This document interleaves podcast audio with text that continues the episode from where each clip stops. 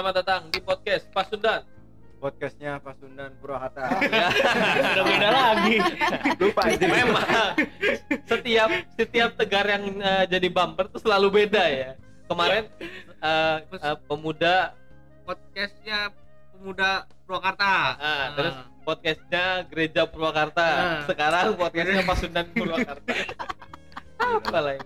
beda lagi aja. Apa podcast lu sebenarnya banyak? Sampai lu aja pusing Gua milih-milihnya. belum gitu. siap, belum siap. Oh, lu belum siap. Belum Memang, siap. memang lu belum siap terus kan. Coba lagi lagi lagi. Makanya kalau disuruh datang jam setengah delapan, datang jam setengah delapan. itu kan. Omi, itu Omi.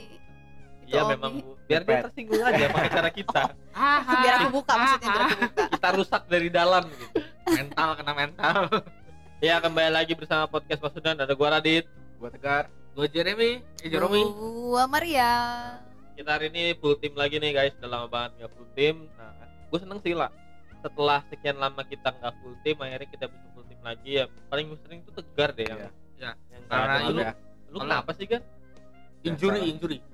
sakit terus. Oh, lu sakit. Hah? Oh masih positif. Enggak lah. Ini baru negatif lagi ya? Itu perasaan pembahasan kapan yang bahas di tegar positif tuh ya? Iya. Gak tahu tegar tuh positif terus. Ini yang positif lu apa kakak lu nih sekarang? Negatif gua. Kakak lu positif dong. Negatif lah. Oh, puji Tuhan, gua negatif. Kenapa harus covid ya? Ya, Enggak, gua nggak positif. bilang- Nggak gua nggak bilang positif Iya, positif covid. Gak Enggak. bilang. Positif. Positif lulus, Heeh. positif keterima, Nah, positif pinter. Hamil, hamil bisa kan? Ah, positif ya hamil bisa. Cuman kan udah pasti bisa juga dipukulin bapak lu kan kayak gitu. Tiba-tiba pulang-pulang. "Oh, positif. Astaga, pakai masker, pakai Pakai masker. Bukan, Pak. Dikasih. Tes langsung. Kamu kan cowok tegar. Enggak kan ini yang ngomong si kakaknya. Siapa? Sapiera. Oh. Ceritanya ya, ini Ceritanya. Jangan dianggap serius ya, guys. Yuk. Apaan tiba-tiba yuk? Dari tadi tegar mikir, oh, nih gue dimarahin bapak gua nggak ya ngomongin si Iya, Sapiera? aduh. Gua adik loh ini teman-teman gua adik loh. Tapi gimana? Eh, so far lu Udah, udah gua mau nanya Oh, iya, iya. tiba-tiba udah masih nyambung. belum. Pertanyaannya juga belum selesai. Ah, Oke. Gimana? Ukuran kaki berubah nggak? Siapa tahu kena kaki gajah. Naik lima senti lah. Omi yang kaki Hah? Naik 5 cm? Kaki naik 5 cm apa Gua- manjangnya Maksudnya 5 ukurannya, cm? ukurannya Enggak, tapi maksudnya cepet banget.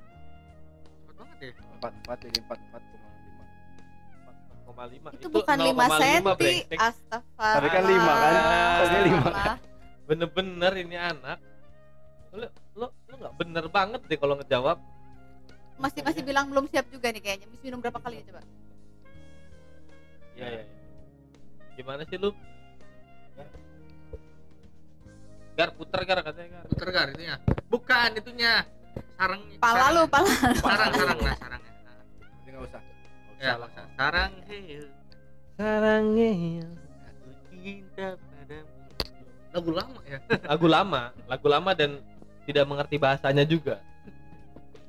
Eh, tahun ini ada hal yang eh, menarik sih buat gue karena gue berharap eh, apa GKP Purwakarta memulai pembangunan gedung pelayanan Ya. Baru sih karena memang sudah rencananya sudah cukup lama tapi ya belum belum mulai mulai juga Ya, sekarang Doain ya teman-teman. doain ya mudah-mudahan Terutama supaya banyak orang terpanggil untuk menyumbangkan betul Ya, amin, karena amin, amin. rezekinya untuk satu pelayanan bersama Allah Akbar Eh, bukan. Ini Allah tadi Maha Besar. rusak rusuk rusak rusuk suara di headset deh. padahal suara lu itu Ini tegar ini ngurusin mic Oh, oh iya bener-bener. Gimana sih anda kalau ngurusin mic dicabut dulu memang rusak rusuk rusak rusuk nih. ya ya, gue berharap sih mu- bisa mulailah pembangunannya supaya eh, cepat jadi. Ya. terus kalau bisa kalau bangun pem- eh, kalau udah mulai pembangunannya milih tukangnya yang bagus supaya Hmm. sekolahnya bagus Iya. bangunannya kokoh bertahan lama Nah, sama ser- seperti sebuah tembok tembok yang berada di kisah Alkitab yang Hmm. memiliki kekuatan yang luar biasa tembok besar Cina. Bet- bu- bisa jadi loh itu Bisa bisa. Enggak. Gede. Enggak bisa. Nggak bisa. Oh nggak bisa. Ah, si Radit. Sampai sekarang soalnya masih ada dan nggak diceritakan roboh. Kalau tembok Cina. Iya. apa ini emang Yang saya bahas tembok apa? Tadi bilang tembok Cina kata si Omi. iya, Tembok bisa kan- nggak tembok Bisa. Cina dibangun di, di Ah, zaman kalau itu? aku bilang nggak bisa gimana? Berat sih memang. yang belajar teologi beliau yang yang lebih tahu Karena kan gue tadi nangkepnya yang ada di Alkitab katanya. Nah, Tadi dulu yang di Alkitab itu kayaknya temboknya udah rubuh deh. Sementara yang di Cina sekarang masih ada kalau Iya. salah. itu sebenarnya masih- rubuh. masih ada sekarang. Itu tuh tinggal rubuh sebenarnya. Oh segitu tuh sisa sisa Sisa rubuhnya. Oh. Enggak dong. Zaman tahu dahulu manusia tidak sebesar ini kawan. Ingat, Nabi Adam aja laki-laki. Iya dong. Ah, alah. Gua kira mau apa gitu Enggak, enggak. Enggak, enggak itu enggak punchline, memang fakta. Iya. Iya, benar. Jadi kita mau ngebahas satu tembok yang sangat terkenal pada masanya, memiliki kekuatan yang luar biasa seperti Samson. Dan sudah menjadi tempat wisata pada zamannya itu. Emang iya ya? Enggak juga sih. Banyak orang asing Iya kayak enggak gitu. sih, Bu? Gue percaya lah. Tempat nggak tahu wisata. kalau udah Enggak. Tembok, tembok itu tuh sekarang menjadi nama band Oh iya, Band kita. band Yeriko Band kita, band di, di KKP Purwakarta ada. Kita akan ngebahas sebuah eh, tembok yaitu tembok Jericho. Dan gue lebih penasaran kalau ngebahas tembok Jericho tuh ke ini sih arsiteknya sebenarnya. siapa arsiteknya? Siapa yang gitu. ngebangun? Biasanya Hmm. Dijelasin nggak sih? Nggak ada. enggak ada. Ya. ada. Dia ngebangun Tuhan kali ya bu ya? Enggak juga. Enggak juga. Masa Tuhan yang ngebangun Tuhan yang Nggak ngebangun? boleh Tuhan ngebangun. Tuhan bikin manusia aja bisa, masa bikin tembok Iya, nggak bisa? Ya dah, ya dah. Mending iya iyain aja udah nggak boleh gitu, udah sebel ya. sebel banget. Nggak, tapi kan benar. Iya emang benar sih. benar-benar. Nah, tembok Jericho, eh, si tembok Jericho ini tuh sebenarnya sekuat itu juga gue penasaran sih kenapa harus sekuat itu. Ya, pakai semennya semen apa? Semen Holcim, Nggak ada dong, semen ada. Padang gitu. Nggak ada, Ya, siapa tahu? nggak mungkin, tidak mungkin. Ya, siapa tahu, Dit. Enggak, Je. Pada zaman itu semua pembangunan itu tidak pakai semen, Pakai permen. apa permen? Ditempelin satu-satu gitu ibarat lengket. Iya, enggak gitu. Pantesan kokoh ya. Kayak konsep nasi jadinya. pakai nasi. Lem nasi ya bener lem nasi. Itu lem paling aman. Paling aman juga paling nggak bisa diandalkan sih. Itu paling aman nggak bisa dipakai ngelem sama anak-anak. Bikin kenyang bukan bikin mabuk kayak gitu. Mau lem nggak jadi. Ya, tapi kayak Rico ini tuh eh, eh, kita kenal bukan kita mulai mengetahui tembok Jericho ini tuh dari ceritanya Yosua. Ya Yosua dan sudah diceritakan waktu eh, sekolah minggu, zaman-zaman sekolah minggu biasanya. Ya, coba dicek dulu bener nggak waktu sekolah minggunya setegar itu diceritain Coba Gar, gimana Gar? Bolos gua itu. kan Jangan tanya gue juga karena sekolah sekolah minggu gue juga gue tidak melakukan dengan beda baik. kurikulum berarti kayaknya ada perubahan waktu itu Oh, Iya. iya. Memang waktu itu be- beda guru memang. oh oke Nggak ada guru tetap memang sekolah minggu itu ya. pas yang ngajar di guru olahraga ya Waduh, Dimintain sepuluh ribu sepuluh ribu. Eh. eh, kok Maaf. gitu? Sekolah siapa yang kayak gitu? jangan membuka aib guru sendiri Biasanya juga semua Enggak kan bayar sepuluh ribu kan buat Iya. ini kan? Iya. buat ini Buat kita kita juga kan? Iya. Buat kita kita susah Iya. maksudnya. sama buat sama buat bayar nilai. Waduh, aku tidak ngomong. Maaf, maaf enggak sih, enggak itu cuma oknum biasanya. Iya, oknum doang. Nah, tembok Jericho ini kita mulai dari uh, Joshua. Jadi sebenarnya tujuan Yosua datang ke situ juga awalnya kan buat apa ya? Merebut kota itu lah. Ya. Bener Jajah. nggak sih? Gue takut takut so tau doang gua. Ya coba kita lihat aja nanti di Yosua. Bari sekarang lah sekarang lah jangan nanti Ya, udah keburu teman-teman Oh lu mau Oh, baca maaf, Ya udah sok bacain weh. Tumben saya disuruh baca. Udah bacain aja. Yang aja dulu ya. Ada Iya. 26 ayat lumayan panjang. 20 namanya tuh paling 3 menit. 3 menit. ya. Jatuhnya Yosua 6. Tahap judul jatuhnya Yeriko. Dalam pa, dalam pada itu Yeriko telah menutup pintu gerbangnya, telah menutup pintu gerbangnya. Telah tertutup kota itu karena orang Israel. Tidak ada orang keluar atau masuk. Berfirmanlah Tuhan kepada Yosua, ketahuilah, aku serahkan ke tanganmu Yeriko ini beserta rajanya dan pahlawan-pahlawannya yang gagah perkasa. Haruslah kamu mengelilingi kota itu, yakni semua prajurit harus mengendara meng- mengedari kota itu sekali saja. Demikianlah harus maka perbuat enam hari lamanya. Dan tujuh orang imam harus membawa tujuh sangkakala tanduk domba di depan tabut. Tetapi pada hari yang ketujuh, tujuh kali kamu harus mengelilingi kota itu de- sedang para imam meniup sangkakala. Apabila sangkakala tanduk domba itu panjang bunyinya dan kamu mendengar bunyi sangkakala itu, maka haruslah seluruh bangsa bersorak dan dengan sorak yang nyaring. Maka tembok kota itu akan runtuh lalu bangsa itu harus memanjatnya masing-masing memanjatnya masing-masing langsung ke depan. Kemudian Yosua bin Nun memanggil para imam dan berkata kepada mereka, Angkatlah tabut perjanjian itu dan tujuh orang imam harus membawa tujuh, tujuh sangkakala tanduk domba di depan tabut Tuhan. Dan kepada bangsa itu dikatakannya, Majulah, kelilingilah kota itu dan orang-orang bersenjata harus berjalan di depan tabut Tuhan. Segera sesudah Yosua berkata kepada bangsa itu, maka berjalanlah maju ke tujuh orang imam yang membawa tujuh sangkakala tanduk domba itu di depan Tuhan. di hadapan Eh di hadapan Tuhan. Lalu mereka meniup sangkakala sedang sangkakala sedang tabut perjanjian Tuhan mengikut mereka. Dan orang-orang bersenjata berjalan di depan para imam yang meniup sangkakala dan barisan penutup mengikut tabut itu. Sedang sangkakala terus-menerus ditiup.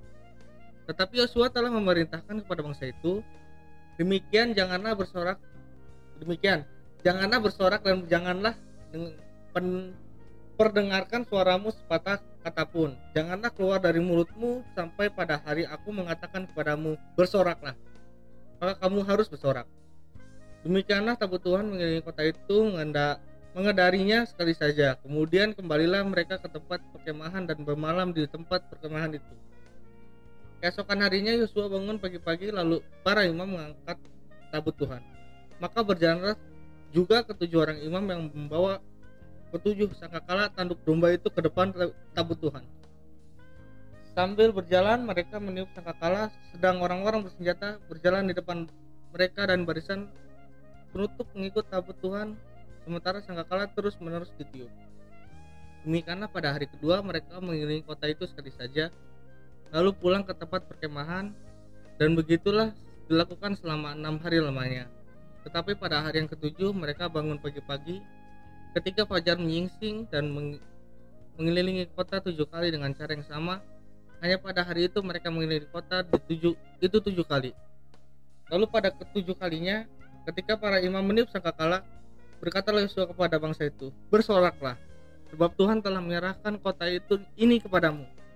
Dan kota itu dengan segala isinya akan dihunuskan bagi Tuhan untuk dimusnahkan. Eh, Dihususkan. dihususkan bagi Tuhan untuk dimusnahkan. Hanya Rahab perempuan sundal itu akan tetap hidup ia dengan semua orang yang bersama-sama dengan dia dalam rumah itu karena ia telah menyembunyikan orang suruhan yang kita suruh.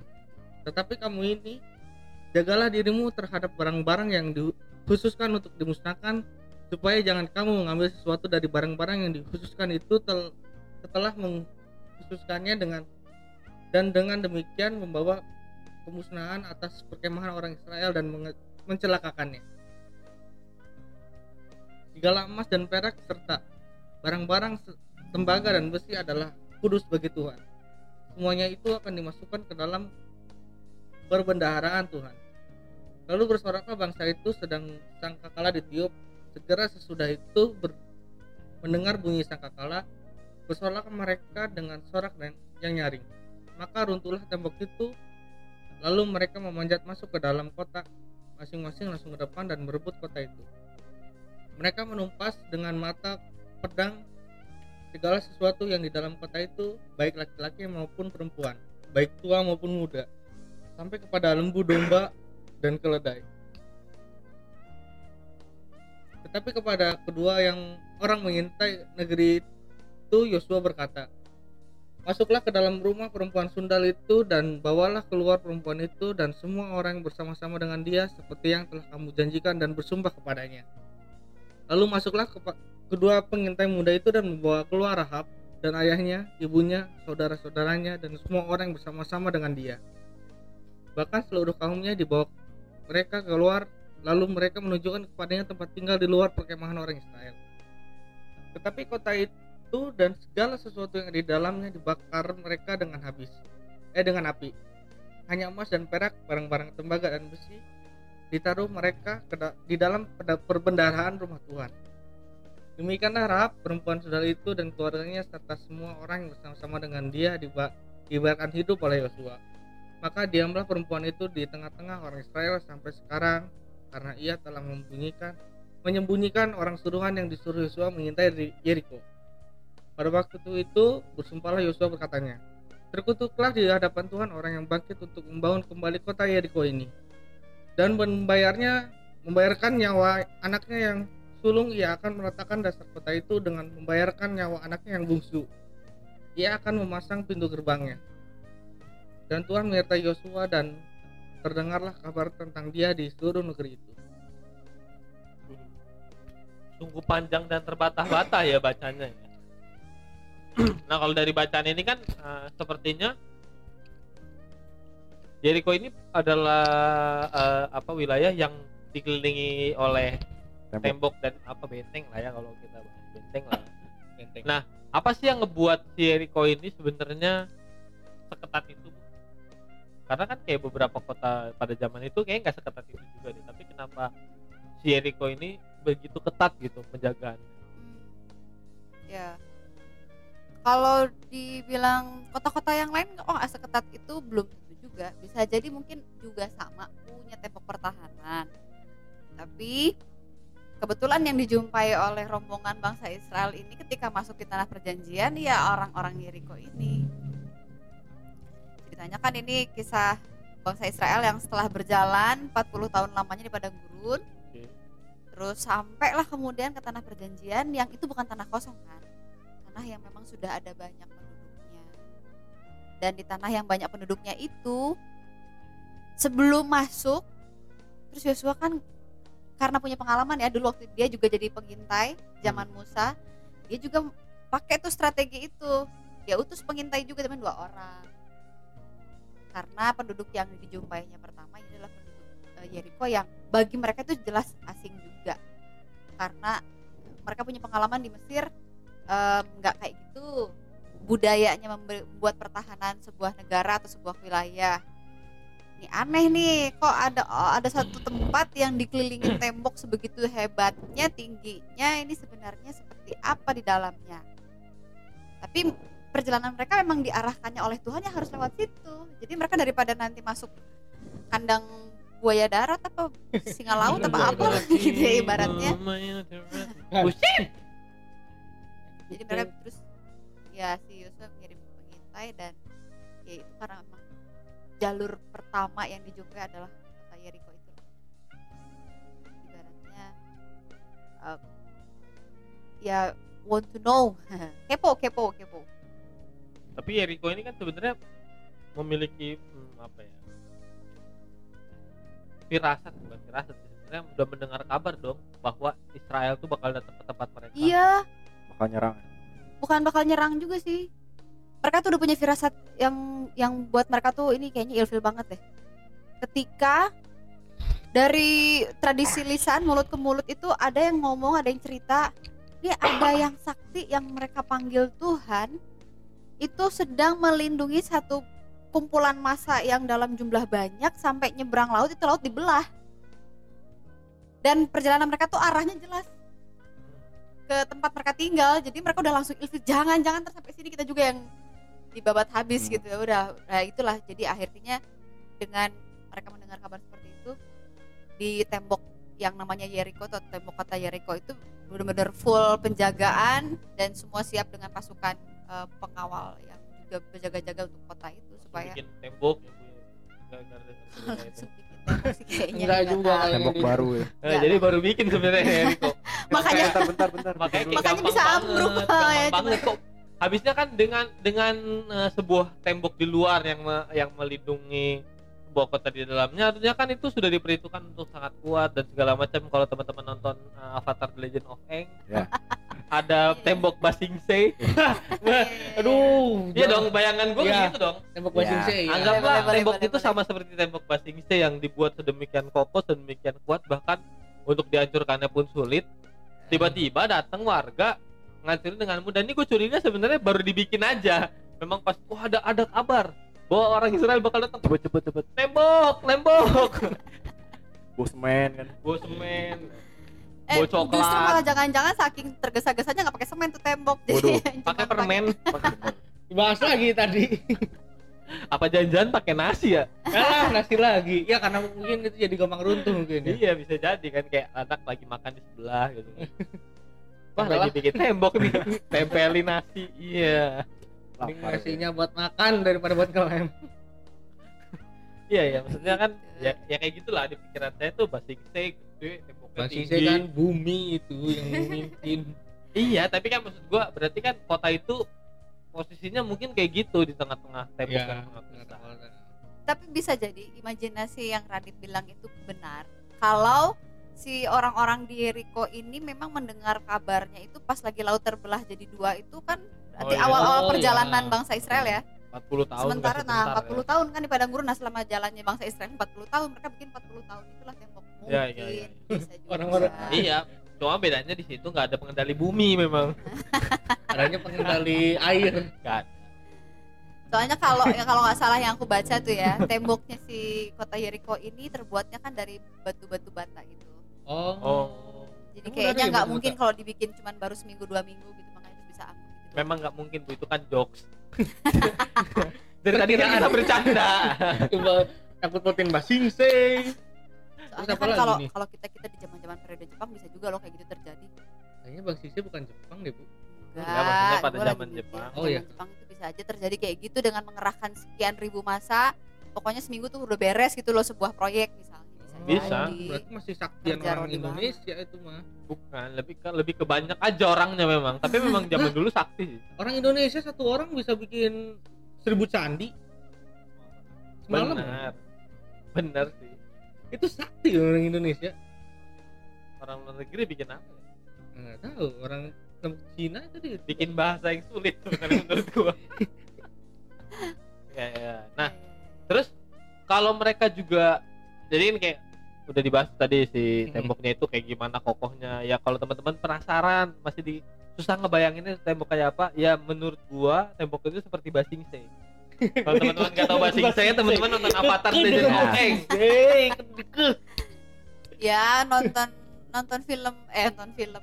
Ya lihat di itu aja deh di internet itu yang Iya. tembok Cina model-model Iya, kayak iya, begitu gitulah. kalau nggak teman-teman nonton Spartacus atau nonton Shingeki no Kyojin nah itu itu gua nggak tahu tuh. nah itu pokoknya juga sama itu tentang tembok dengan Hmm. tapi di lu di luarnya itu didatengin sama raksasa dihancurin Oh. sama raksasa bukan sama suara-suara. Atau nggak usah nonton deh udah jalan-jalan Iya, aja di. Jogja. Di Jogja masih ada kok sisa-sisa temboknya. Hmm. Masa di Jogja masih ada tisu tembok? Ada. Ada. Emang nggak orang rumah nggak pakai tembok? Gimana sih maksud Oh, lu iya. ada dong. Nggak nggak nggak serius-serius di Jogja. Jogja itu ada yang namanya pojok benteng. Ya, betul. pojok benteng? Pojok benteng maksudnya itu bahasa Indonesia pojok benteng itu dia sudut-sudutnya tembok yang mengelilingi kota. Hmm, jadi dulu Jogja dikelilingi kota. Deh Jogja itu dikelilingi tembok. Maksudnya itu Ya, kota kota Jogja. Jogja itu dikelilingi Dikelilingi tembok. tembok. atau jangan-jangan Jogja itu Jericho Em, ya itu konspirasi lagi dah. Susah nih kalau gue bilang eh, bisa jadi itu kayaknya susah gitu buat jawabnya kayak yang sudah sudah terlalu cepat untuk berimajinasi cocokologinya. Dua dua dua meteran. 2 tingginya. meter. Lebar. Oleh pak oh lebar. Lebar dari si tembok itu 2 meter tebel maksudnya Bu. tebelnya tebelnya 2 meter Dua meter. lebarnya 2 meter Hah? emang lebarnya 2 meter artinya tebel tembok itu Oh, lebarnya itu tuh 2 tebalannya meter. dua meter. ketinggiannya itu yang entah berapa memang tidak diketahui tapi intinya kan fokus fungsinya itu adalah untuk pertahanan berarti ya. pertahanan itu Jadi tidak diketahui Bu prajurit apa sebenarnya diketahui itu tembok tingginya tinggi diketahui kayaknya itu cukup aneh untuk zaman sekarang anda bisa aja ngukur loh eh orang-orang yang ada di Jogja ukur kalau masih nggak tahu kita juga. ngomongin Jericho apa Jogja sih? Ya. kalau ngomong ini kan seumpama Dia dia tiba tiba-tiba udah nggak ada. Nyalain orangnya lagi. dia masih pengen ke Jogja soalnya dari kemarin kan dia ngomong terus tuh. Iya, iya, pokoknya gue iya, pengen iya. ngajakin anak-anak tur ke Jogja bu kayak gitu-gitu mulu. Iya, jadinya kita ngomongin kota Jogja aja udah langsung diamnya di situ Iya, dia iya. pikirannya. Memang karena gue pengen banget ke Jogja. Yuk, yuk. tembok yang di Jogja gue dapet Gak kabarnya. aja lah. Ini jadi gue balik lagi ke Jogja. deh. Iya. Pasti bahas. enggak mau tadi itu Jericho ya. Di Jericho itu lebar temboknya 2 meter. Kalau yang di Jogja itu 6 meter. Lebih lebih gede kok lebih gede di gede Jogja, ya? Berarti kan lebih keren kan orang-orang Jogja bikin tembok. Uh, uh keren banget. Lebih kepaksa tuh pas yakin gua. Enggak sih bu. Cuman lebih kerennya lagi dia yang ngebongkarnya yang bikin juga. yang ngebongkar yang ya. bikin. Capek-capek dong. Emang nggak ada kerjaan aja tahu pada masa itu. Kayak aduh kerjaan susah banget. Itu kayaknya gini aduh habis dijajah Indonesia Belanda nggak ada itu belum kerjaan nih lah itu belum sebelum Emang masa sebelum- itu dong itu pasti masa masa kerajaan Masa-masa itu oh kerajaan. masa kerajaan dikirain kirain apa Kalau yang Jericho itu diketahui 2 meter itu menurut para arkeolog yang memang menggali menggali sampai pokoknya sampai dapat banyak eh, tumpukan-tumpukan bata di kedalaman berapa gitu ya. Dan itu emang udah langsung dites karbonnya juga sekitar 14 abad 14 sebelum Masehi gitu. atau 14. 1400-an sampai 1300-an sekian. Oh berarti Tembok itu ada dalam keruntuhan Tuhan yang tertimbun nggak jauh di bawah tanah. Sekarang kalau nggak salah itu daerahnya sama-sama Jericho sih namanya. iya iya iya iya sih. Iya sama Jericho. bisa pindah Ya, bisa jadi berubah namanya tuh gue lupa tapi kayaknya sama deh Jericho juga. ada di peta itu kayak gitu bu Jericho. Ada. karena kan peta Ada tapi temboknya udah nggak bisa kelihatan karena dia tertimbun di dalam tanah bah jauh banget. Oh, mungkin tanahnya naik kali ya bukan dia Ah. rata sama tanah jadi aja kan runtuh tapi digali gitu Iya, ada proses Iya. penggalian. berarti kan tertimbun tanahnya naik ngomong-ngomong sih harga tanah naik sebenarnya oh iya memang sih memang naik sih Emang tiap tahun sih kalau itu. daripada nggak lucu cuma Oh gara-gara itu ya. Gara-gara harga tanah naik tuh tembok Oh, jadi emang sih ya. Daerah situ mungkin juga lebih mahal Iya, ya. mungkin harganya mahal. Tapi maksud gua gini. Di apa terlepas dari bentuk tembok yang luar biasa, menurut gua ketika orang dengar bahwa kotanya akan diserang, pasti akan ada kayak apa ya? Persiapan. Attention, Persiapan, attention, attention, persiapan untuk oh kita harus bertahan karena Latihan. ada ada orang-orang iya maksudnya gitu nah sedangkan pada masa itu eh, kan Tuhan bilang nih untuk ngeruntuhin tembok itu dia harus muterin kotanya gitu kan Muterin Temboknya. temboknya muterin temboknya ya kan muterin temboknya sama dengan muterin kota jadi apa salahnya sih? Kan tembok dulu baru kota. Aduh gue males ngedebatin. Itu. nanti ya habis ini kita bahas deh Enggak lagi ngeselin banget gitu. Kan ko- emang kan temboknya mengelilingi kota. Cara nggak langsung itu ngelilingin kota dong. Ya lah dah yuk. ketika kita di dunia sekarang menghancurkan tembok itu harus dengan tenaga yang Lalu- besar mereka cuma modal napas cok. Iya. Cuma modal napas. Tiup-tiup fluid gitu ya. Tapi nggak tutup juga sangka kalah sangka kalah loh niupnya nggak yang nggak gitu nih enggak sampai gitu sampai paru-parunya aja sempit Waduh. gitu aduh parah ini sampai paru-paru bersempit Iya gitu, emang gitu. emang benar kayak gitu. Iya, Oh, iya bu Benar. Benar. Tanduk eh tanduk Domba. domba, itu walaupun kita ngebayangnya dombanya domba domba Garut lah ya gitu ya Aduh. tanduknya tuh kan muter-muter dong mm, lingkarnya ya sekitar misalnya taruhlah taruhlah diameter 30-an senti itu ya paling gede itu nggak cuman kayak kita nafas tiup eh, fluid, fluid biasa Iya, atau nafas sih. kayak kita narik napas buat tiup apa suling anak-anak SD itu loh. Enggak enggak kayak gitu. Yang kadang-kadang yang suling anak SD mah malah niupnya pakai hidung lagi. Nggak pernah sih nggak pernah sih. Ah, ada ada gitu. aja yang Ada- ngamen kayak gitu-gitu. Ada. Nah, sambil nyanyi sambil niup sambil niup suling tuh di hidung tuh. Gitu. gitu gitu. Ngeri Enggak. juga tuh anak ya ingus doang tuh. tapi bunyi lah yang penting kan. Iya, yang penting bunyi. enggak kalau yang yang tanduk domba itu enggak segampang itu nah itu kalau kalian mau ngecek nggak bisa ditonton di Avatar ataupun di TV mana pun juga. Kalau mau cek langsung ke itu museum benda-benda Alkitab. Oh di daerah di- Jakarta Yerusalem namanya. Oke. oh nah nanti kita study tour ke sana. Dan dia Kalian. dia dia bisa benar-benar memperbolehkan kita untuk mempraktikkan niup sangkakala atau niup trompet dengan tanduk eh, eh, domba itu seperti apa boleh ditiup gitu bu. Boleh dipraktekin boleh. buat ditiup. Sekarang mungkin nggak boleh tapi tapi sekarang lagi covid ya sorry ya guys. Baru mau ngomong baru mau memang ngomong. Memang lagi nggak bisa gitu kan. Bener bener. Tapi dibilang modal nafas buat ngeruntuhin tembok itu tapi nggak sembarangan kita cuma bernafas kayak kentut gitu keluar begitu aja bunyi gitu enggak gitu Nah. enggak Betul. Ya, jadi mo- modal napas doang dengan tembok kayak sekokoh itu tuh cuma modal napas dan masalahnya adalah menurut gue yang paling aneh eh, lama waktunya kan itu tujuh hari totalnya kan. Jari.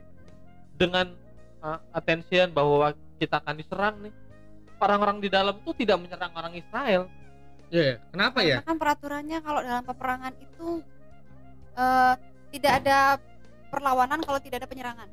Mereka Oh, tuh lagi nggak nyerang kan tujuh hari itu cuma teriak-teriak sambil tiup-tiup trompet aja kan lebih kayak psikopat sih bu kalau kayak gitu memang. Iya sih lebih kayak kita psikopat ngebayang. loh orang-orang Israel. Kayak bikin parno apa sih? membuat takut orang-orang di dalam ya kan?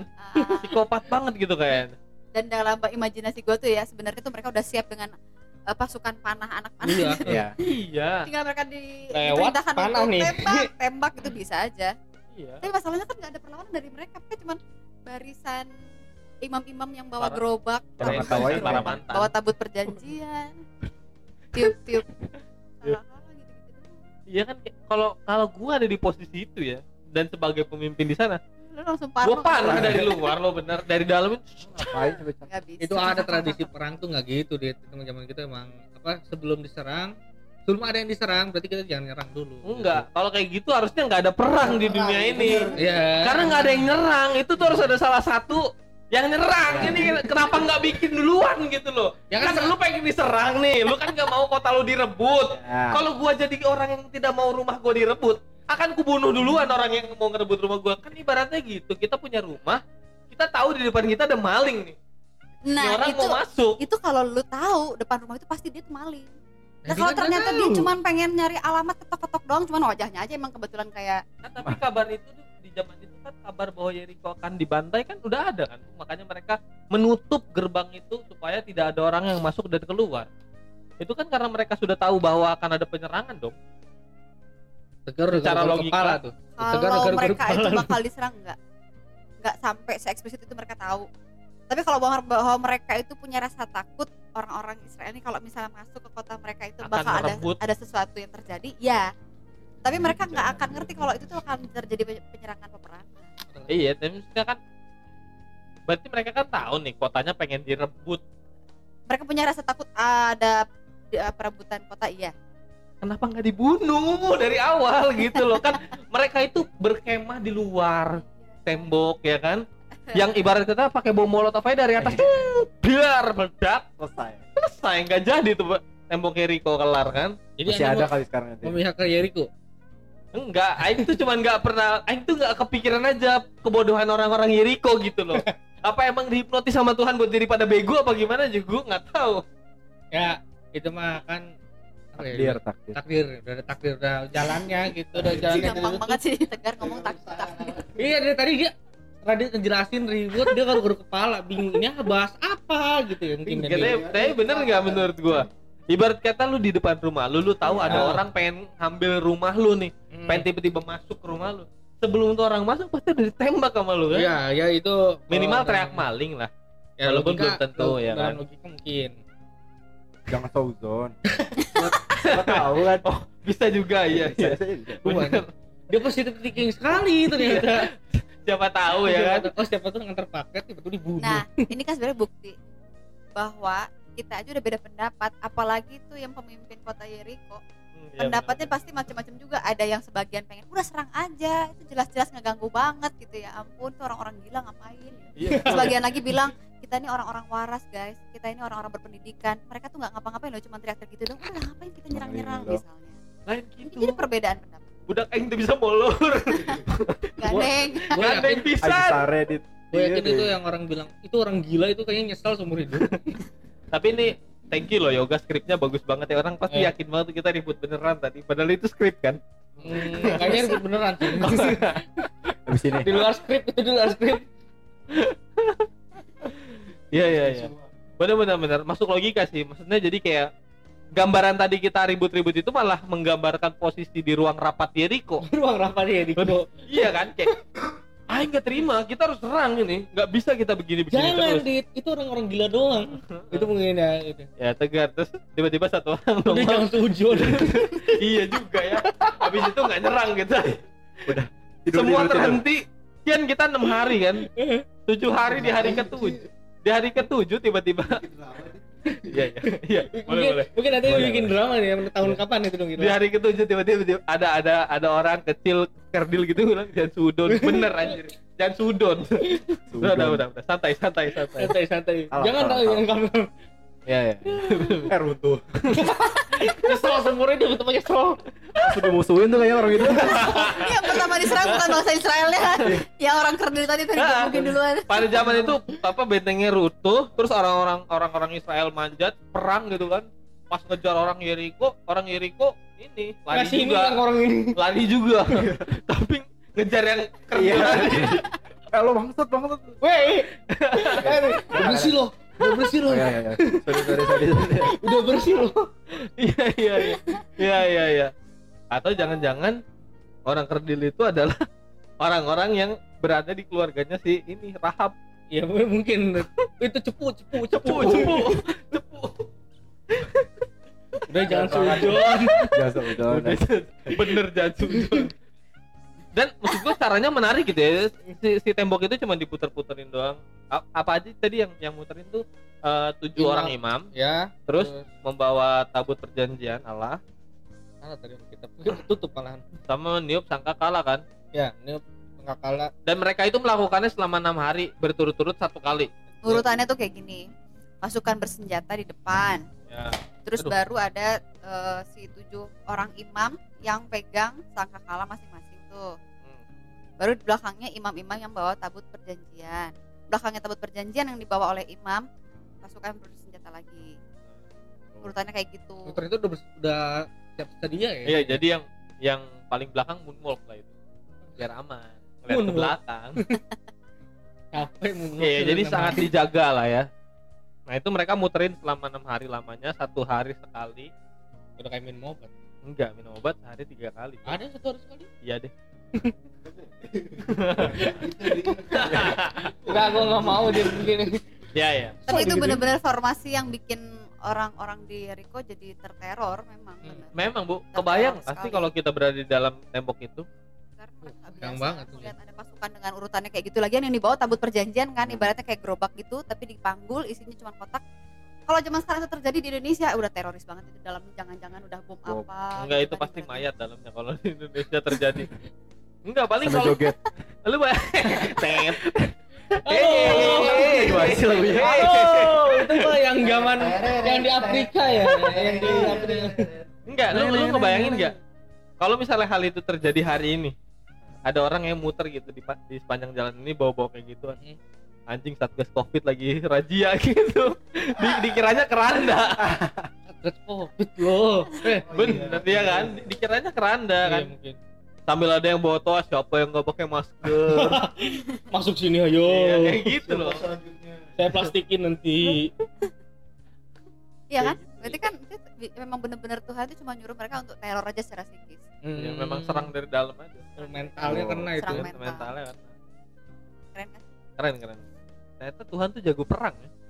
Strateginya bagus cuy. Boleh boleh tuh. Kalau belum apa-apa udah tutup tembok udah tutup pintu kan padahal Hmm. Israel bisa jadi kan cuma mau punten punten Iya. minta makan siapa itu kelaparan Bukan. kan, makanya saya jangan seujon. Souzon tuh. Mereka tuh sebenarnya haus aja orang. Orang orang Israel tuh sebenarnya haus tuh. Haus. Haus darah. Enggak juga, enggak haus akan harta. Enggak, tapi me- pertanyaan yang muncul di kepala saya adalah ini Bu, sebenarnya kenapa bangsa Jericho harus dibantai? Itu aja. sih. Kayak Nah. misalnya ada kan cara lain kayak misalnya demokrasi Ya. atau segala macam. Kenapa harus dibantai? Itu satu kota habis, sisa satu rumah doang. Yang rumahnya Rahab dan saudara-saudaranya. selain ya kalau kata produser bilang de- demokrasi belum ditemukan pada saat itu Iya sih. Eh, udah sih sebenarnya sih Udah lah. udah ya. dengan Udah, enggak, kepemimpinan Musa sampai dia bisa mendelegasikan 70 orang tua-tua itu sebenarnya itu udah udah ciri-ciri Demokrasi. Udah kalau kata ibu udah, Udah kita iya. aja. Kan ya ampun gila lu mah ya udah durasi durasi. Nah oh iya kenapa harus dibantai? Kenapa harus seperti itu? Apa apa apa satu hal tafsiran yang masih sampai sekarang itu di, di- diyakini dan bisa masuk eh, dalam apa ya istilahnya pengenalan kita tentang siapa Allahnya orang Israel ini adalah Allah itu sebegitu luar biasa mengenal umatnya. Umat Israel itu kan sebenarnya juga bukan umat yang hebat kan. Mereka nggak pernah punya pengalaman perang. Mereka cuma taunya itu kerja keras. Sama batu paling orang orang Israel. ah ya kayak gitu kan. Eh, tapi Tuhan kok pilih mereka untuk jadi umat pilihannya yang dilindungi sedemikian hebat siang dan malam, dipelihara sedemikian hebatnya pakai makanan yang dari langit turunnya. Dan itu benar-benar membuktikan bahwa Tuhan tuh sangat mengenal manusia yang namanya bangsa Israel. Dan kalau itu buat diaduin perang sama Yeriko, Tuhan selalu kayak ini yakin pasti bakal menang. mau bisa menang pisan gitu ibaratnya kayak gitu ya itu kalau tentang hal perang tapi kalau dalam hal berinteraksi sosial sepertinya Allah itu sangat mengenal bahwa umatku ini mudah sekali terkontaminasi dengan hal-hal yang sifatnya itu udah diajarkan oleh Tuhan nggak boleh begini nggak boleh begitu dan seterusnya Ya. di zaman Yosua pimpin bahkan saat jas- saat Musa deh Ya, ya. mereka kan udah terima aturan hidup 10 hukum Taurat 10 hukum Taurat aja mereka baru belajar untuk bisa dijalanin gitu ibaratnya. Supaya apa kan Tuhan bilang kasih aturan 10 hukum Taurat. Supaya mereka bisa hidup kudus di hadapan bangsa-bangsa yang lain. Apalagi saat mereka mau masuk ke tanah Kanaan. Baru mau belajar hidup kudus dengan gaya hidup yang ditentukan oleh Tuhan pakai pagar hukum Taurat itu. Mereka udah ngeliat kehidupan orang lain misalnya, ih kok kok sana enak ya, kok bisa makan ini bisa makan itu, ih kok di sana enak ya bisa berbuat ini berbuat itu dan seterusnya. Nah, mudah goyah banget ya bangsa Israel. Ini dalam sebuah tafsiran sehingga Allah itu dengan gambaran sesadis itu ya. Setelah tembok runtuh, musnahkan semua orang kecuali si Rahab dan keluarganya. Musnahkan semua barang kecuali perak dan emasnya. Semua diambil itu kan penjarahan luar biasa dengan sangat dengan sangat sadis lah. itu. betul kejadian yang sangat jahat Kalau dari sudut pandang eh, kita Ham, ham. sebagai manusia dan hanya manusia yang punya hak asasi manusia tadi itu ini perintah Allah yang biasa pelanggar sebenarnya. Iya, betul. Tapi ini kan sebenarnya lebih sebenarnya lebih kepada penekanan cerita yang mau mengungkapkan siapa Allah dalam relasinya dengan umat yang dikasihi. Kayak kalau misalnya kita membayangkan diri siapa sih kita di hadapan orang tua kita yang kita dikenal sama orang tua kita itu punya karakter sedemikian rupanya orang tua kita pas tahu bahwa kita tuh akan berhadapan dengan uh, teman-teman yang bakal jahil atau jahat itu sekolahan sampai diatur sedemikian rupa buat supaya kita tuh safety gitu. Enggak. Nggak kayak gitu ya orang tua kamu ya? Kasihan sih. Orang tua saya sih. Maksudnya tuh saat kita kecil lah saat kita kecil eh, kan kan kalau kenapa kok aku bawa imajinasi kalian tuh ke saat anak-anak kecil ya? Karena seolah-olah memang bangsa Israel waktu itu mentalnya tuh masih mental kanak-kanak gitu. Hmm, iya, iya. masih kanak-kanak gitu kesannya. Jadi gambarannya kalau kita lihat ada orang tua punya anak mau masuk TK itu dia pasti punya pertimbangan TK yang seperti apa yang bisa bikin anak gua tuh selain cerdas tapi juga aman dalam pergaulan. TK yang gak ada muridnya sih. Bisa. Itu paling aman. Akhirnya private. Private. Kelas gitu Iya, kan private ibaratnya. bisa jadi kayak gitu kan. Yang kalau ada apa-apa dengan anak gua nih lu Nah. yang bakal gua salahin gurunya gitu kan ibaratnya. Kan betul. Langsung ya? Karena cuman cuman antara murid dan guru. Beda kalau ada. Nah taruhlah kalau yang private kayak gitu pasti yang selalu disalahin adalah pihak luar anak. Karena apa? Dia ngelihatnya anak gua nggak tahu apa-apa. Anak gua tuh pokoknya udah selalu terbaik lah buat gua. Kalau misalnya pun dia nakal harusnya kamu bisa dong caranya teknik gimana mendidik anak aku jadi akhirnya selalu di orang lain yang di Yap. di eh, singkirkan. Karena saking sayang sama yang dikasihi itu anak. Seolah seperti cara itulah cerita tentang eh, pemusnahan orang-orang di Yeriko ini di hadapan kita sebagai orang-orang yang sedang belajar tentang bagaimana Allah mengasihi umatnya yang dikasihi dan dipilihnya sekarang 40 tahun aja dipelihara di padang gurun berjalan. Masa tiba-tiba terus lenyap nyawa mereka di tangan orang Yeriko? Mereka apa coba yang dipikirkan saat ada satu aja tersisa? Dari sekian banyak misalnya perang tuh sama Yeriko Yerikonya akhirnya menang. Hmm. banyak bangsa Israel akhirnya mati. Tapi sisa aja misalnya satu orang. Pikirnya kayak gimana? Nggak balas dendam bukan balas dendam. Buat apa kita dituntun 40 tahun di padang gurun? Kenapa nggak kita mati aja kemarin? Iya. giliran sekarang nyampe di tanah yang dijanjikan ternyata mati-mati juga. Iya. Gimana emang kan janji? orang Belum. Israel itu kan hobinya ngeluh. Nah. waktu di padang gurun kan lapar.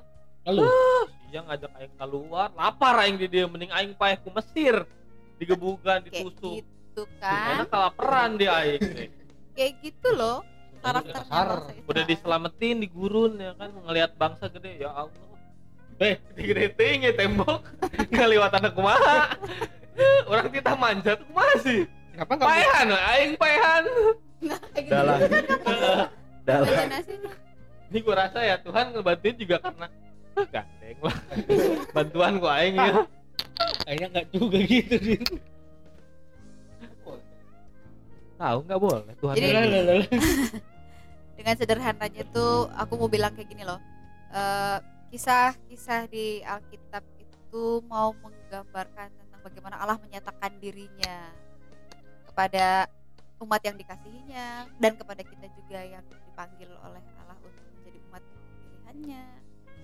Bahwa Allah itu punya karakter kayak gitu. Kalau dia udah cinta sama satu umat cinta sama kita semua itu penghalang dibuat lenyap Wih, ibaratnya. Karena apa? Udah janji dari awal kalau gue jadi Allah lu dan lu jadi umat gua udah gampang urusan ke depan itu udah diperlancar. Iya, ibaratnya kayak gitu. Kayak Allah tuh orang dalam gitu. memang orang dalam deh memang orang dalam. Kebetulan dia yang punya yang punya surganya dia memang. Beliau yang punya memang. Iya berarti maksudnya eh, hal-hal yang menarik dan dapat diambil dari apa apa pak pembahasan kita hari ini ya harusnya kita bisa menarik hati Tuhan sih lebih tepatnya. Supaya Tuhan tuh bisa makin cinta sama kita.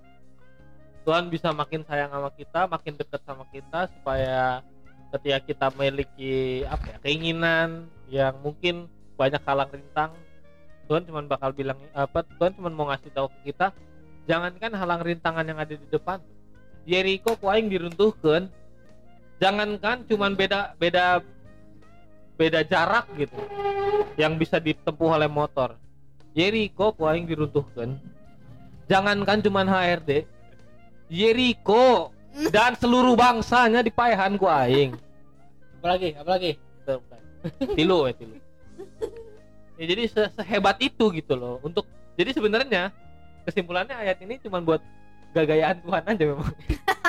Gitu loh. Eh, lebih ke sombong memang astagfirullah astagfirullah nyebut but but.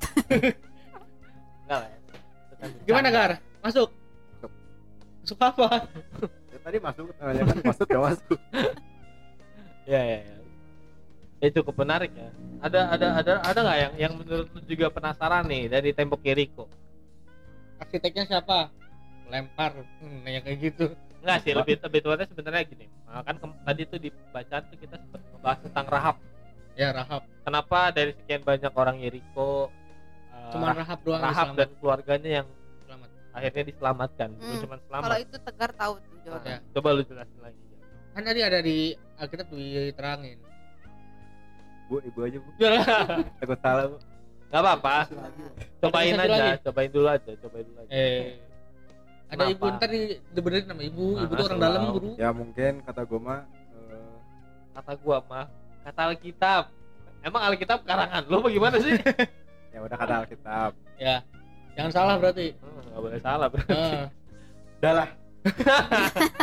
menurut gua mah. Ya tadi udah gue ngomong gitu. iya gua. iya iya kan, iya. Menurut gue mah ya mungkin eh, Rahab itu takut mati kan. Bet, nggak nggak rahab Nah. doang yang takut mati hari itu Orang-orang Semua. Jericho juga takut mati. Tegar. makanya ditutup gerbangnya itu karena semuanya takut mati termasuk si Rahab Iya. ya betul tapi Iya. maksudnya semua orang Jericho memiliki ketakutan yang sama iya dan yang ngasih tahu kayak gitu ya pak si Rahab Hmm. Rahab yang ngasih tahu ke kalau Yosua Jericho tuh takut sama Ah. kalian Makanya Lewat mata-mata itu. betul Yes. jadi sebelumnya Dijelasin dari awal. ada mata-mata yang dikirim oleh Ada swiper. uh, Yosua pada zaman itu yang memimpin bangsa Israel keluar dari Mesir setelah melanjutkan apa sih pimpinannya Musa waktu itu. Yosua mengirim pengintai ke sana untuk memata-matai ada apa aja di dalam kota itu. Ngirim dua orang, terus dia masuk ke rumah wanita sundal ini. Wanita sundal tuh kayak apa ya? Jablay. Iya, iya. kasar banget kasar. Sensor. Bener kan bu tapi apa yang disensor emang bener? Ya tapi pronounce jangan yang gitu dong. Ah, ya sok atuh bahasa halusnya jablay apa? Apa? Ah, Sunda. Lantai. iya. Kan Jamet. masing-masing konteksnya. Itu PSK, PSK. docil PSK, PSK. ya eh, wanita sendal tuh PSK jadi orang itu masuk ke rumah PSK memang kayak pengen pijet sebenarnya. Tapi sekalian dapet info. Terus uh, pada saat pengintai itu masuk ke Yeriko itu tuh diketahui oleh orang Yeriko sehingga orang-orang itu tuh dicari dua orang itu dan disembunyikan oleh perempuan perempuan perempuan, itu. perempuan Sundal itu yang bernama Rahab itu tadi sehingga Rahab ini kayak memberikan apa ya syarat lah oke gue bantuin lo tapi tapi yang tadi bayar dulu kan jadi pijet enggak enggak enggak Oh iya, lupa. enggak, enggak, enggak. Sebenarnya si Rahab itu mirip karakternya tuh kayak di ceritanya kelahiran Yesus itu kayak ah, itu loh orang-orang majus. Orang-orang majus yang nanya jadi polos. orang-orang majus itu Sundal Bukan Oh. posisinya. Posisinya saat datang tuh dua pengintai dari Israel masuk ke kota Yeriko, diam di tempat dia. Iya, iya. Dia itu dengan polos itu ngasih tahu ke pimpinan Yeriko. Ih, ada tamu di tempat gue gitu. Hmm. dia lagi pengen cari tahu nih kondisi kota kita seperti apa eh kamu dari mana katanya sih bilang dari Israel gitu. wah bahaya nih Israel yang kemarin kita obrolin itu yang bisa ngebelah lautan ya Tuhan ya? Kayak gitu gitu kan? Lo udah gini aja deh. Lu tahan pengintai di tempat lu ntar gue datang gue bunuh. Ibaratnya mungkin kayak gitu tuh. Rahangnya cepu juga ternyata. Nah karena mungkin tadi kata si Radit Eh. belum bayar ntar gimana? Iya belum bayar. Ya akhirnya ternyata dalam niat yang sebegitu baik ya Tuhan memakai Rahab itu untuk menyelamatkan dua pengintai ini menyembunyikannya di atas rumahnya dia eh, dan dan berkata akhirnya berkata bohong sama orang-orang dari pihak pemimpin kota ya, udah pergi itu orangnya keluar sana ini gitu lah.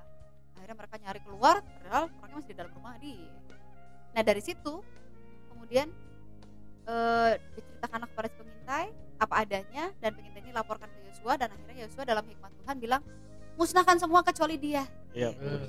karena saya juga mau pijit di sana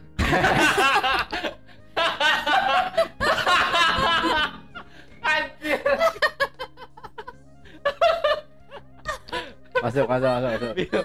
Pas banget. Timingnya oke timing. Timing- timingnya bagus. Timingnya bagus. Iya ya ya dan dan dan yang apa dan yang yang yang menandai bahwa uh, kan karena kerusuhannya pada zaman itu kayak kerusuhan gitu untuk merebut Jericho maka dikasih tanda lah sama si uh, pengintainya. Suruh Batu. ngegantungin kepalanya. Enggak dong. Batu batu. batu. Bukan kain tapi ada batu kain apa batu sih? Tali. Iya tali Tali, tali. tali, gitu. kain tali apa BH yang bener kan kedua belas batu per... eh, bukan yang ternyata. Bukan. memang anda salah baca. Salah salah salah. Dia kain warna merah kalau nggak salah. Ya kain warna merah berjumlah 12 pokoknya supaya diikat di jendelanya supaya jadi tanda gitu kan. Iya. kenapa warnanya merah? Gak ada lagi kali. Bukan. Kalau warna merah putih terhormat. Kayaknya di sana ya juga putih? belum ada Indonesia ya Iya ada kan? tapi belum karena Indonesia. Ya belum belum ada benderanya memang ya. Kayak gitulah. Makanya kalau teman-teman tadi sempat baca ikut ikut dengar apa yang dibacakan sama Omi siapa ini Rahab? Kenapa Rahab bisa diselamatkan? Hmm. padahal kok seluruh bangsa Yeriko ini dimusnahkan tapi Rahab tidak? Ya karena Rahab sudah melakukan apa ya? Membantu lah membantu. Kebaikan lah untuk untuk orang-orang yang mau masuk ke Yeriko. Satu itu. Rahab melakukan kebaikan buat orang-orang eh, Israel lewat pengintai. Yang kedua dengan Rahab cerita sama si pengintai ini bahwa eh, ada yang namanya Tuhannya orang Israel itu mampu untuk membelah lautan dan orang sekota itu takut atau gemetar ketika ternyata udah mau mengarah ke sini itu perjalanannya bangsa ini itu kan sebenarnya ada sebuah pengakuan dong Ya, bahwa ada kemahakuasaan dari Tuhan yang disembah oleh bangsa Israel. Itu namanya apa? Iman. jadi bikin pede Ah, itu yang dimiliki oleh si Rahab yang kemudian dihargai oh oleh bener coy. Allah. iman itu Ternyata kan dia beriman kepada tidak melihat namun percaya. Yes. oh iya. Eh pernah begitu di ini ya? Baru ingat. Baru nyambung ternyata Iya. Itu yang membuat salah satunya juga Rahab eh, dikasihi dan diselamatkan. Gua masih tadi lagi Udah, siapa lagi yang mau dibahas nih si Rahab? apa Rahab Yosua yang mau lagi. dipijit dulu itu tadi gue juga bingung spontan lagi Iya lucu. Ya ya. Eh, kalau aku sih bingung ya kalau kalau apa semua semua ap- apa semua pertanyaan di dalam kepala gua sih udah Kejawab udah semua. terjawab kalau gua ya nggak tahu kalau lu dulu pada Apa Gar? Lo ada yang mau ditanyain nggak? Tanya arsitek lagi gue lempar ya. Hmm, oh gue nggak nanya. Dia siapa tahu pengen nanya. Apa? Lu ada nggak? Udah, Dari udah sih. Nah sampai akhirnya Yeriko nih jadi nama band tuh gimana bu? Kalau boleh tahu. Kayaknya gue yang harus nembak kalian deh kan gue Oh iya ya datang waktu benar itu juga namanya. ya. Anak baru ceritanya ya kan kita. Tanya ke Muger yang dulu-dulu kayaknya. iya. iya. Ya ya berarti sejauh ini eh sejauh itulah eh, cerita tentang Yeriko karena yang kita bahas cuma Yerikonya doang. Ya, Tapi kalau gue mau jawab tuh kayaknya bisa jadi terinspirasi dari kelompoknya si Imam yang niup tujuh sangkakala itu. Oh, Hmm? Dari situ mungkin jadi akhirnya alat eh, tim musiknya bangsa Israel baru terbentuk dan itulah mungkin namanya grup band Jericho. bukannya grup band Israel gitu. Kan grup band yang terbentuk saat meruntuhkan Jericho gitu maksudnya. Oh. Mungkin. Jadi zaman Cuma dulu cuma alat cuma musik Israel. cuman itu sangkakala. Serem lah gila gue Iya, ngebayangin. grup band yang bikin teror. Bunyi sangkakala tuh gimana sih bu? Ya lu nanti aja di nunggu YouTube aja. ada di YouTube, di YouTube ada. Nunggu aja deh. Ya siapa tahu lu langsung denger langsung kan. Pengen denger langsung dulu aja dulu. Siapa tahu lu cepet-cepet lu. Cuma bisa denger sekali doang. Cuma denger sekali habis itu nggak bisa lagi. Siapa tau lu mau cepet-cepet Nah kalau gue pengen cepet-cepet didengerin Kita semua denger anjir Enggak, Aneh-aneh enggak, enggak, enggak, bohong. Lu mau aja diteror sama si Omi. Kenapa, Bu? Bunyi sangkakala ntar lu bakal koin. Enggak sih. Coba aja dicek di YouTube. Coba Udah cek ya. ada orang yang coba memperagakan, mempraktekkan meniup namanya sangkakala itu seperti apa. Dan itu kalau memang kalian punya speaker yang keren Nanti aja banget, J Nanti aja J Penasaran, Dit. denger nanti dalam aja. keadaan hening itu luar biasa loh. Merinding kalau buat gue sih. Karena eh ya bunyi suara yang bener-bener berwibawa gitu banget. Lu bayangin aja bunyi bunyi sengeri itu loh Bukan Bentar, ada suara motor. nggak kedengeran orang di, pe- di Masuk. podcast oh masuk iya maksudnya lu ngebayangin gak sih ada bunyi yang sebegitu mengerikan di luar rumah lu gitu ngeri sih Takut yang ada langsung. takut pasti takut langsung berdoa lihat matahari ini dari kanan apa kiri ya? iya iya benar. Kayak Ya. gitu barat gitu. Orang yang salah ngadep. Wah, ada di barat. Ternyata oh timur ternyata.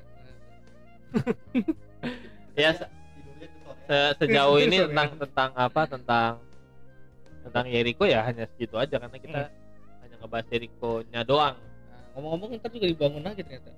apa tuh Tembok kan dibangun lagi nanti. Buat Di- museum. gede banget museum. Ya, nggak tahu juga. Percaya lagi sama gua. jangan percaya teman-teman yang hoak gitu ya Omi belum belum ada kepastian nabi palsu. Nah iya nih teman-teman kiamat tuh sama, sama orang-orang kayak Omi sebenarnya. Gara-gara orang-orang kayak Omi suka nyebar-nyebar hoak iya iya. Nah tembok Yeriko ceritanya dari kita mungkin kalau ngebahas tentang eh, Yeriko itu nggak bisa dari Yeriko-nya dibangun ya karena cerita itu sendiri tidak di tidak di- dituliskan di Hmm. Alkitab gitu. Jadi- udah ada tembok gitu. kita kita nggak nggak bisa tahu itu asal dari mana siapa yang buat apa tujuan itu ya kalau yang tadi kita bahas tentang ini buat ini buat itu ya itu mah imaj- imajinasi kita kita Iya. aja sebagai manusia yang punya Bayangan, akal bayangan. budi Apalagi, apalagi jangan berimajinasinya kalau ada tuh tembok hasil korupsi lagi ya.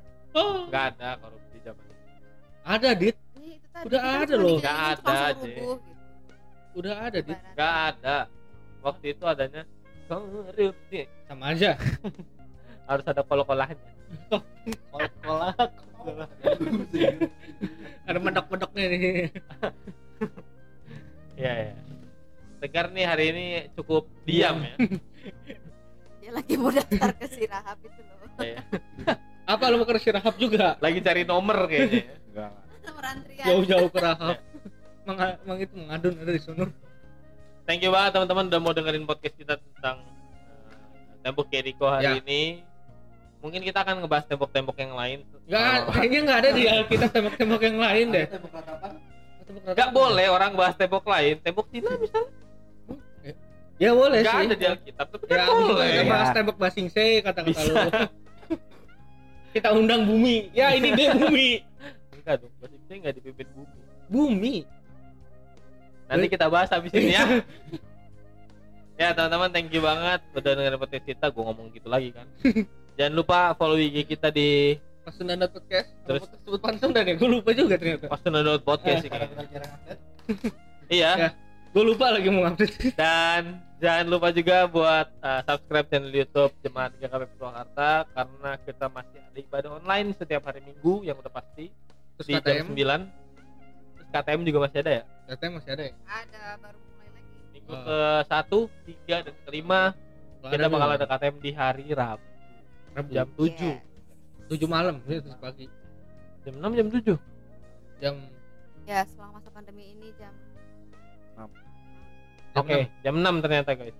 Ya pokoknya kalau teman-teman udah subscribe channelnya sih pasti ada 6. Ada notifikasinya. notifikasinya. Makanya dipencet juga loncengnya Loncengnya. supaya Oke. kalian bisa dapat update terus dari GKP Purwakarta. Jangan lupa juga GKP Purwakarta ini podcast Pasundan ada di bawah naungan KPR GKP Purwakarta dan ada IG-nya juga. KPR GKP Purwakarta. Teman-teman bisa follow aja ke situ supaya bisa eh, apa ya istilahnya mengetahui kita semua lah Ya, secara siapa-siapa secara- aja nih yang ngomong gitu. enggak Saya secara, tahu mukanya. secara besar siapa itu eh, Pasundan.